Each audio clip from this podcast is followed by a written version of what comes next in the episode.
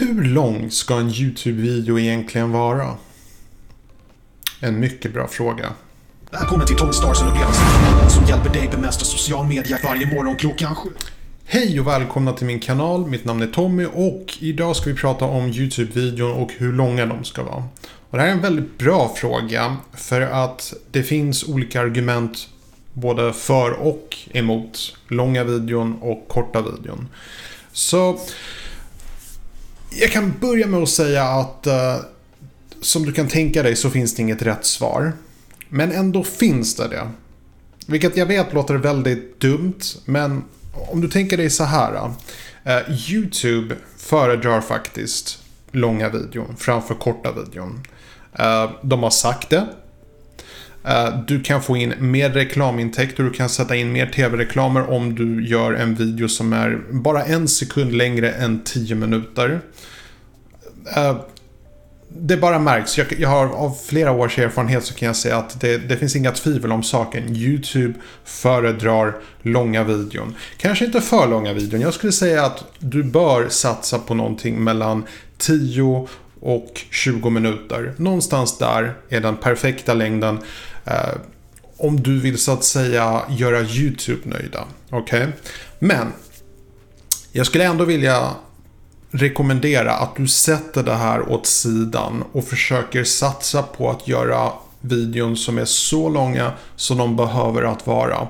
Det finns väldigt många YouTubers som satsar väldigt hårt på det här att göra så långa videon som möjligt. Och vad som händer då, det är att de fyller ut det med en massa onödig information. De drar ut på det, de lägger in en massa B-roll som egentligen kanske inte har någonting med innehållet att göra. De gör vad de kan för att komma över 10 minuters gränsen. För de tjänar på det och de vet att YouTube kommer rekommendera deras videon ännu mer.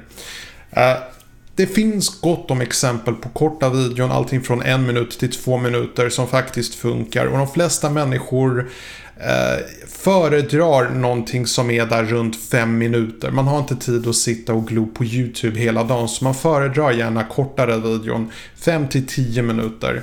Det, det är bara så som social media-flödet har tvingat oss att vi, måste, vi vill ha information som är effektivt och snabbt. Ni tittar på den här videon, ni vill bara ha ett snabbt svar. Ni vill inte att jag ska dra ut på det här i 20 minuter, eller hur? Ni vill att jag ska hålla det gärna under 10 minuter. Jag kollar på klockan och jag säger No problem, det fixar vi. Den här videon kommer garanterat inte vara längre än 10 minuter. Så att Eh, när jag gör videon, jag tänker inte alls på hur lång den kommer att bli. Utan jag, jag låter videon ta den tid den ska. Sen har jag några goda vänner som vänner på YouTube som gör videon som är fruktansvärt effektiva. För att de fokuserar på att göra videon eh, intressant i åtminstone tre minuter. Om du kommer över en, en slags magisk gräns på tre minuter, det vill säga då det, snitttiden för hur länge människor tittar på dina videon överkommer tre minuter, då rekommenderas din video mycket mer. Och det här, det är flera studier som har testats eh, bland flera YouTubers. Alltså, har du videon med tre minuters medel titttid så kommer de rekommenderas oftare. Allting, all, all den här informationen jag säger, det kan du själv testa och se i YouTube Studio i din analys. Du kan se vilka videon som faktiskt rekommenderas och det är väldigt enkelt att göra en koppling mellan, aha, okej, okay, den här videon har rekommenderats mycket av YouTube. Varför? Äh, antagligen för att titttiden har i snitt varit längre än tre minuter på den här videon. Väldigt enkelt. Problemet är nu att om du gör en för utdragen video så kommer inte allt för många rekommendationer på din video. Så det är lite, gör så bra du kan göra men låt videon ta så lång tid som du behöver och inte en minut längre. Annars kommer du bara få sämre titttid och det vill du inte.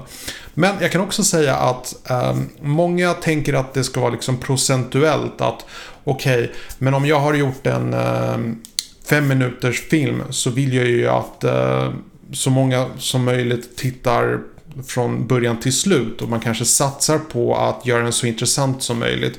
Men grejen är att vad gäller YouTube, du skulle faktiskt kunna bara satsa på att göra så långa videos som möjligt, få så lång snitttid som möjligt och det skulle bli i sin tur bättre resultat än om du gör en så kort film som möjligt som är så pass procentuellt eh, sedd så att säga. Ugh, jag kan inte prata idag.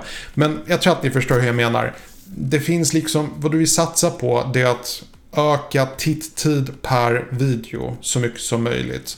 Och problemet är att om du fokuserar på att göra väldigt långa videon så kommer du antagligen inte komma upp i den här magiska tre minuters regeln. Jag ska göra en video om den här tre-minuters-tricket eh, så uh, bara prenumerera så att uh, ni inte missar den videon. Men den kommer så småningom.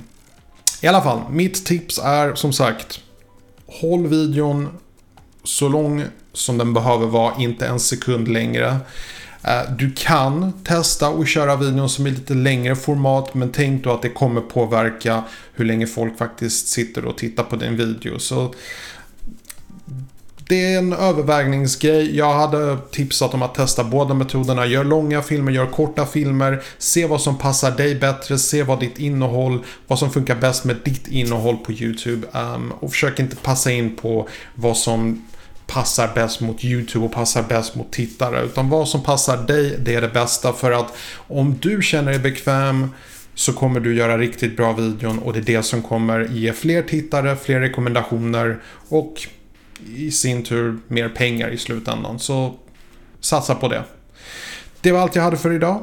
Så jag hoppas ni tyckte om den här videon. Om inte, well, kanske kommer en bättre imorgon. Avsnittet är slut, men upplevelsen är inte över. Klicka dig vidare till ett av många rekommenderade avsnitt. Men om du har någonting viktigare för dig just nu, glöm inte att prenumerera så att du inte missar framtida avsnitt som kommer varje morgon klockan 07.00. Detta är din uppväckning. Börja jobba.